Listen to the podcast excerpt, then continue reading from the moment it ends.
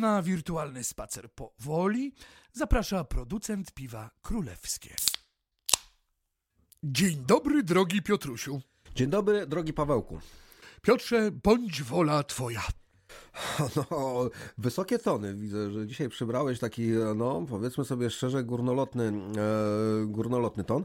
Postanowiłem oddać szacunek mojemu starszemu koledze, z którym, jak Państwo zapewne już zdążyli się przyzwyczaić, spacerujemy wirtualnie po 18 królewskich dzielnicach Warszawy i dziś, dziś istotnie jedna z najbardziej ekscytujących, bogatych w historię.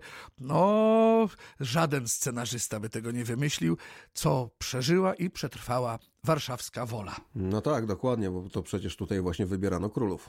Oczywiście, jak większość warszawskich dzielnic, Wola była kiedyś wsią, zechciej jej łaskawości swej nieprzebranej wyjaśnić, skąd nazwa Wola. No tak, e, wieś i to bardzo ważna, e, a na dodatek miała w ogóle taką bardzo wzniosłą nazwę, bo w wersji łacińskiej to brzmiało Magna Wola e, Warsowiensis, czyli Wielka Wola Warszawska, wieś należąca do księcia mazowieckiego, potem wieś królewska, natomiast skąd w ogóle, no właśnie, wieś, która miała tam tych zabudowań trochę, ale główną, istotną jej częścią były bardzo niezwykłe, rozległe pola, -hmm. ale skąd w ogóle ta nazwa? No prawdopodobnie właśnie chodziło o, zwolnienie, o zwolnienie kmieci od danin na rzecz księcia.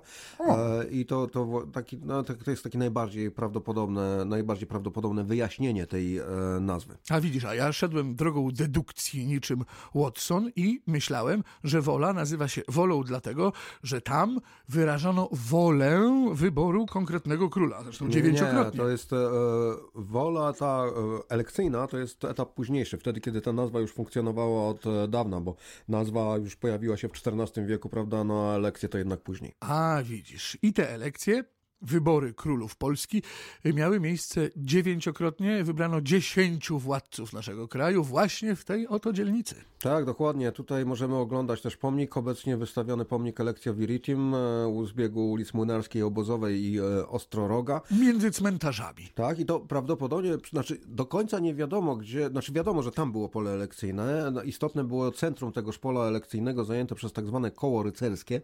Natomiast e, przypuszcza się, że to właśnie najczęściej to koło rycerskie było właśnie tam, gdzie obecnie e, stoi ten pomnik Elekcja Viritim. Elekcja, wydarzenia niesamowite. E, warto prześledzić, jak one e, przebiegały.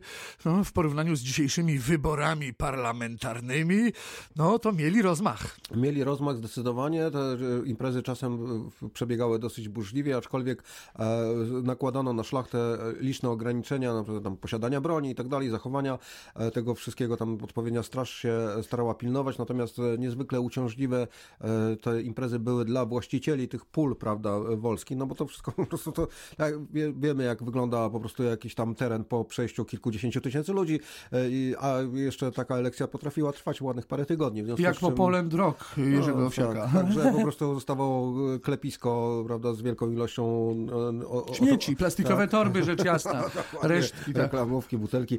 No i w każdym razie, w każdym razie e, no, pod tym względem to nie było zbyt fajne, natomiast faktycznie no, to sprawiło, że e, dzielnica sama e, stała się bardzo znana, prawda, to pola na woli, pola elekcyjne.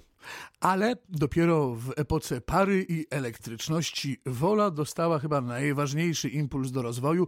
Pociągnięto tam kolej żelazną polemizowałbym e, z e, twoją, znaczy oczywiście kolej e, jako kolej no, była niezwykle ważna, natomiast tak naprawdę w ogóle dla całej, dla rozwoju całej Warszawy.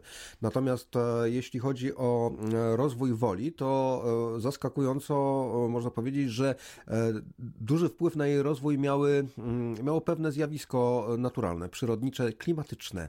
Uh. Tak, a mianowicie Wyjątkowo gęste mgły. Nie, wyjątkowo intensywnie wiejące z zachodu wiatry. Co ty mówisz? Tak, dokładnie, ponieważ była to bardzo nawietrzona dzielnica, w związku z tym tam budowano bardzo wiele wiatraków, które niegdyś zwano po prostu młynami wietrznymi. A. E, I właśnie e, Wola była znana takim terenem, gdzie tych wiatraków wybudowano, one już powstawały tam w czasach dawniejszych, ale najwięcej ich powstawało od końca XVIII wieku do połowy XIX wieku. Było ich po prostu zatrzęsienie, prawda? E, I są zaznaczane takimi specjalnymi kółeczko i krzyżyk na tych starych planach, co chwila widać właśnie te młyny, młyny wieczne. I co one mełyły? No meły oczywiście, meły oczywiście mąkę, prawda, czyli były to produkcja, a młynarz to był w ogóle zawód w ogóle taki super, naprawdę, jeden, uznawany za jeden z najbardziej opłacalnych, a, czyli mąka, ale również słód. W dużej mierze były to młyny słodowe i stąd też e, nieprzypadkowa obecność wielu browarów na sąsiednim e, Mirowie, dla których ten słód był e, produkowany, prawda, jako półprodukt do produkcji piwa. Czyli u schyłku XIX wieku piwosze uwielbiali bywać na woli. Tak, ale to nawet można powiedzieć, że jeszcze wcześniej tak naprawdę, dlatego że po prostu tam ta tradycja była no, nieco dłuższa. Ona w XIX wieku po prostu rozwinęła się do tego stopnia, że tych browarów na terenie Mirowa było e, no, prawie 20, tak? Po prostu olbrzymia ilość. Większość warszawskich browarów znajdowała się właśnie tam. Ach, to musiała być bardzo rozrywkowa. A jeszcze, a jeszcze na dodatek możemy tutaj dodać, że możemy też nadmienić, że e, na przykład na terenie e, rejonu obecnego MSI Czyste znajdowały się ogrody rekreacyjne, czyli takie, prawda, za czasów, e, na początku XIX wieku zaczęły być modne takie, no dzisiaj byśmy nazwali je ogródkami piwnymi. I po prostu tam właśnie takich ogródków piwnych było bardzo, e, bardzo dużo i to, że tak powiem, warszawiacy szli sobie ulicą Chłodną, potem Wolską, no i właśnie do takiego ogródka na czystym. I komu to przeszkadzało, powiedz Piotrze? No cóż, musiał się rozwijać przemysł, prawda, i e, dzielnica się rozwijała, z tym, że przemysł to jest dopiero druga połowa XIX wieku tak naprawdę, e, kiedy kiedy on się zaczął intensywnie, bardzo mocno rozwijać i to sprawiło, że właśnie już na początku XX wieku to było taka industrialny, industrialny rejon. Z tym, że mój drogi, nie wiem czy wiesz, którędy, bo tak naprawdę co my, o czym mówimy? No, mówimy o Woli, która leżała gdzie? No, leżała poza granicą miasta. A gdzie była granica miasta? Oż ty, tutaj mnie siekłeś. No, wchodzono od tamtej strony ulicą Wolską, zapewne. No tak, ale to Ale w którym momencie była granica Kercelak może? Kto się przedał, dobrze, kto dobrze się przedarł przez Kercelak, to już był w mieście. Dobrze kombinujesz, ale granica była wyraźnie wyznaczona i przebiegała ona wzdłuż obecnych ulic Okopowej i Towarowej. To, że, to, że ulica Okopowa ma nazwę Okopowa, to nie jest przypadkowo, ponieważ właśnie wzdłuż niej biegły e, okopy wały Lubomirskiego, prawda? To była natu, znaczy nie naturalna, bo usypana e, z inicjatywy marszałka Lubomirskiego w XVIII wieku granica miasta, która po prostu funkcjonowała przez e, długi czas i po niej właśnie mamy tą linię e, obecnych ulic. Czyli to, co było zawałem Lubomirskiego, to był, już się zaczynała wola. Natomiast ta obecna wola, która obejmuje tam Mirów, Nowolipki, Powązki, to po prostu to nie miało nic wspólnego z wolą, prawda? To po prostu dopiero współcześnie zostało wolą. Jak ja się cieszę, że ja mogę dzięki tobie rozwikłać te wszystkie skomplikowane elementy, gdzie co kiedy się nazywało. Y, mój drogi, powiedzieliśmy o in, takim industrialnym, przemysłowym charakterze niegdysiejszej woli. Są do dziś zabytki wybitnej architektury, które świadczy o tym charakterze. Prawda? Dziś już wola nie jest przemysłowa, ale możemy rozpoznać ten charakter. Po? Mm, oczywiście, no cóż, tej architektury tak zwanej industrialnej e, pozostało jeszcze trochę z dawnych czasów, no przede wszystkim gazownia, prawda? Gazownia w ogóle. Mówisz te to, dwie tajemnicze rotundy. Tak, oczywiście to gazownia, która po prostu zafunkcjonowała, w ogóle kiedy się pojawił gaz w Warszawie do oświetlania? Lata 50. XIX wieku, wtedy się pojawiły latarnie gazowe. Najpierw gazownia e, na Powiślu, potem po prostu po, po, po tam 20-30 latach zbudowano właśnie na Woli, gdzie, y, mój drogi, działa y, w gazowni, właśnie na Kasprzaka 35 działa Muzeum Gazownictwa. Co ty mówisz? Oczywiście, Muzeum Gazownictwa, gdzie po prostu prowadzi... Syczy tam pewnie cały czas. No, trochę syczy, ale to głównie, że tak powiem, działa tam tak bardzo sympatyczny kustosz jest tego muzeum, który wyjaśnia w ogóle wycieczkom, e, do czego wykorzystywano gaz w dawnym gospodarstwie. Miał on naprawdę wiele różnych zastosowań. Są modele różnych tam e, urządzeń, prawda, na, na gaz, prawda, dawnych. E, no i generalnie naprawdę bardzo fajne muzeum, warto je zwiedzić. Budynków wiele zachowanych, ale Tutaj nie, nie, nie, za dużo, może o gazowni, bo również mamy szczątki olbrzymich, gigantycznych zakładów e, Lil Poperau i Levenstein. Mm. Bema, ulica Bema 65, do tej pory po prostu została tam, został budynek biurowy, taki czerwono-ceglany, budynek e, mieszkalny i jedna e, mniejsza hala. I żeby było śmiesznie, nie ma śladu już po tych wielkich halach gigantycznych, które zajmowały ten teren, natomiast zachowała się brama którą się wjeżdżała na teren tego zakładu. Czyli mamy po prostu taką bramę, gdzie możemy sobie wyobrazić albo posiłkować się zdjęciami i zobaczyć, jak to wyglądało. Nie wiem, czy wiesz, co w okresie międzywojennym Lil Poprał i Levenstein produkował. No nie wiem. No składano tam na przykład samochody e, Chevrolet.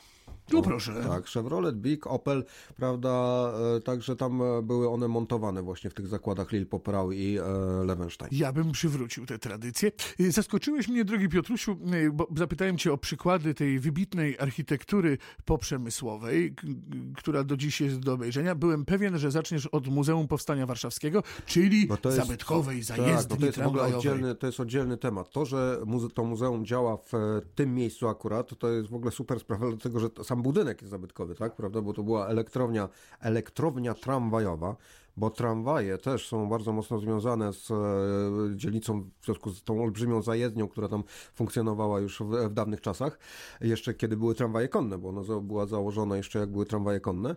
E, I rzeczywiście ta elektrownia tramwajowa, też taka przywrócona, właśnie zrewitalizowana, jak to się teraz fachowo mówi, w związku z założeniem muzeum, e, gdzie ta czerwona cegła w ogóle zagrała na nowo, no w ogóle to jest super. Arcycacko.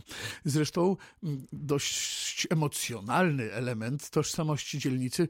Chyba nie przesadzę, jeśli powiem, że to właśnie w Muzeum Powstania Warszawskiego realnie bije serce dzielnicy. No, trzeba przede wszystkim zacząć od tego, że to było chyba pierwsze takie naprawdę nowoczesne muzeum. Takie, Ale które- poczekaj, bo co mam na myśli o bijącym sercu?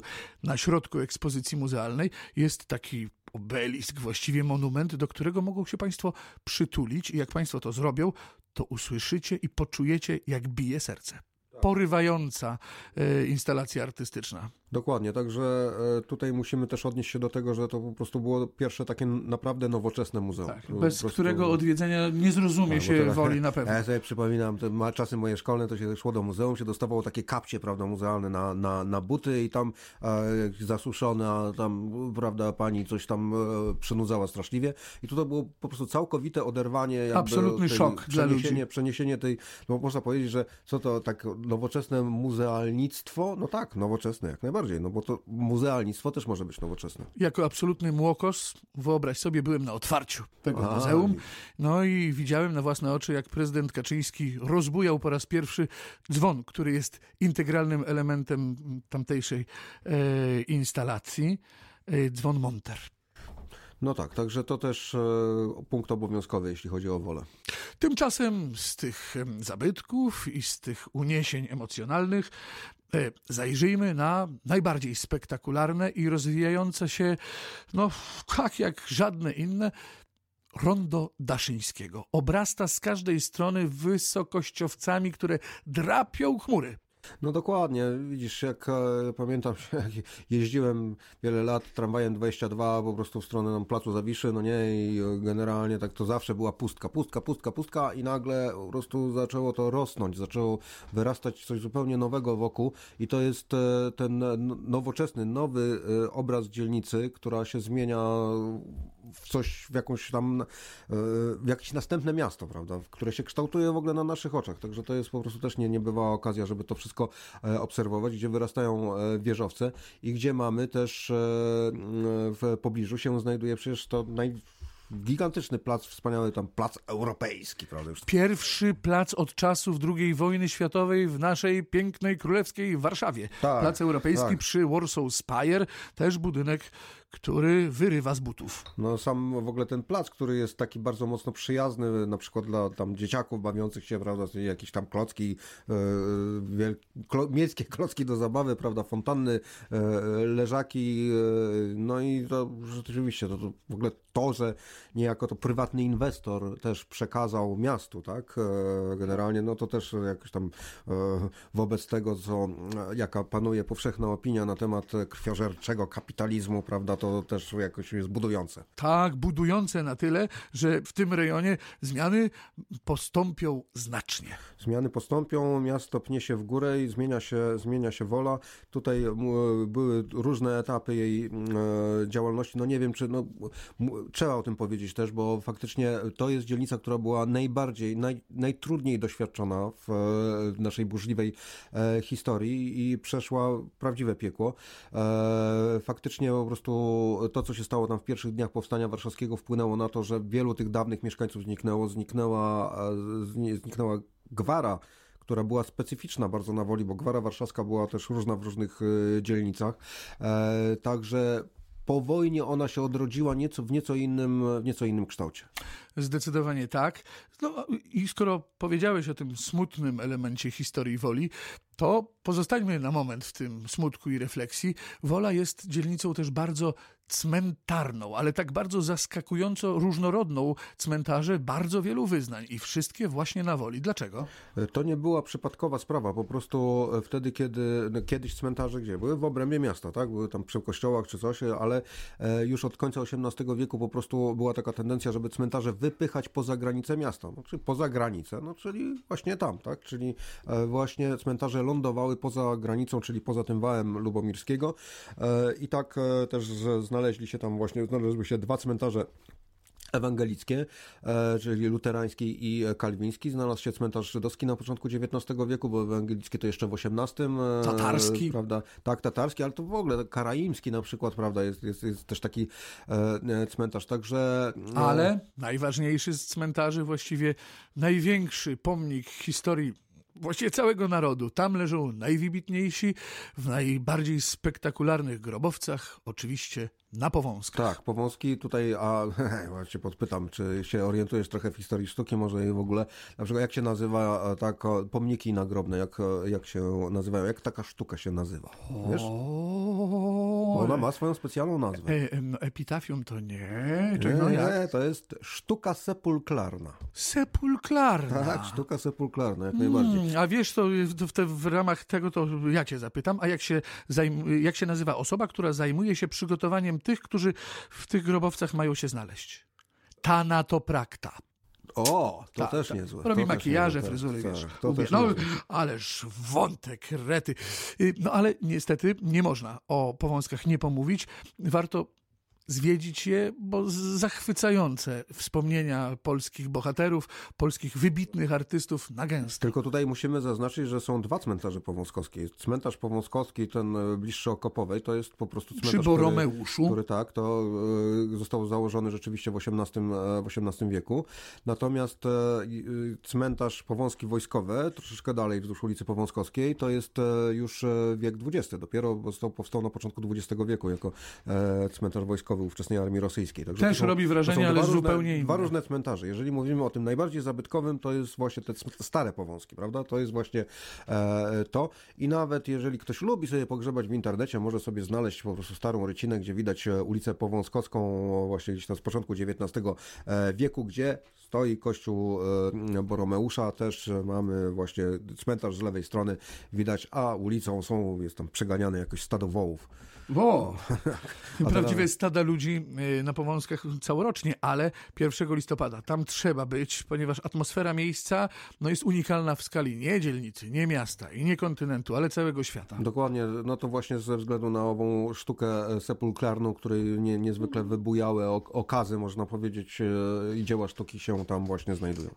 Jednak trzeba pamiętać, że nie wszyscy państwo są entuzjastami cmentarzy e, ze względu na ich mocno refleksyjny charakter i na woli oczywiście też można wypocząć w świętym spokoju, niekoniecznie e, zwiedzając cmentarze, bo tereny zielone dzielnicy są również całkiem efektowne. Mhm. To była właśnie to jest ciekawa sprawa w okresie dwudziestolecia międzywojennego, kiedy to była taka mocno e, dzielnica robotnicza, taka zagęszczona, prawda, z tymi kamienicami.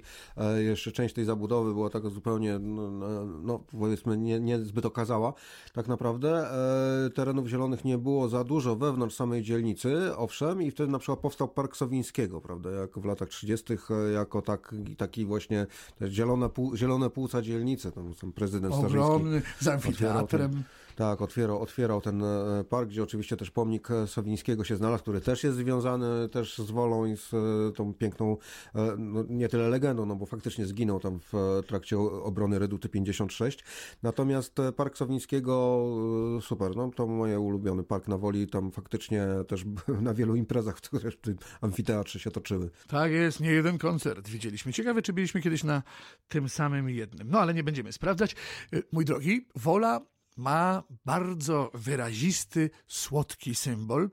E, jest no, wiele cukierni z pewnością w dzielnicy, ale jedna jest absolutnie legendarna i wyjątkowa. Kilometrowe kolejki po pączki stoją do niepozornej cukierenki rodziny Zagoździńskich. A no tak, Górczewska 15, to zresztą w ogóle to, że ta cukiernia tam się znajduje, to też takie, no bo to przecież kolonia Wawelberga, tak? Także w ogóle super osiedle z e, dawnych czasów, kiedy w ogóle nikt jeszcze tam nie myślał tak e, rozwojowo, a tu Wawelbergowie właśnie pomyśleli, ile robotników stworzyli takie, e, takie właśnie osiedle. E, no faktycznie to cukiernia z Zagoździńskich to jest w ogóle legenda sama w sobie. Ona to jest malutka dziupla, gdzie tak naprawdę oni sprzedają tylko pączki, bo tam nie ma już miejsca na to. Na, na każdą produkcję. Inne, tak. Ale te pączki są w ogóle tam w ogóle tip-top, tak? Czyli I na tłusty jest... czwartek kolejka 500 osób. Tip-top warszawskie, ale tutaj zagłębiając się w historię, to trzeba powiedzieć, że ta cukiernia w ogóle przed wojną, ona się znajdowała gdzie indziej, e, bo ona była na, e, najpierw była przy e, Wolskiej 53, potem była Wolska 66 i tam zajmowała dosyć duży lokal. Dosyć duży lokal i to właśnie jeżeli mówimy, że tam marszałek Piłsudski posyłał adiutanta po pączki, to to nie, nie tam na, na Górczewskiej, bo tam tej, jeszcze tej cukierni nie było, tylko on posyłał tego adiutanta właśnie tam, na róg Wolskiej i Syreny. Wtedy, kiedy ta cukiernia tam działała jako normalny taki lokal, gdzie nawet tam zdaje się jakiś był, jeśli nie bilard, to jakieś miejsce dla szachistów, zdaje się, którzy tam lubili przy kawie i ciastku rozgrywać swoje mecze. No w każdym razie to dopiero po wojnie, prawda, gdzie tam no, władza ludowa w stosunku do prywaciarzy, wiadomo, jaki tam toczyła z nimi wojnę. A, chcieli ich ograniczyć. No i tak, i wtedy właśnie, że tak powiem, wysiudano pana Zagoździńskiego z tego pierwotnego miejsca i po prostu znalazł się właśnie w tej malutkiej klitce.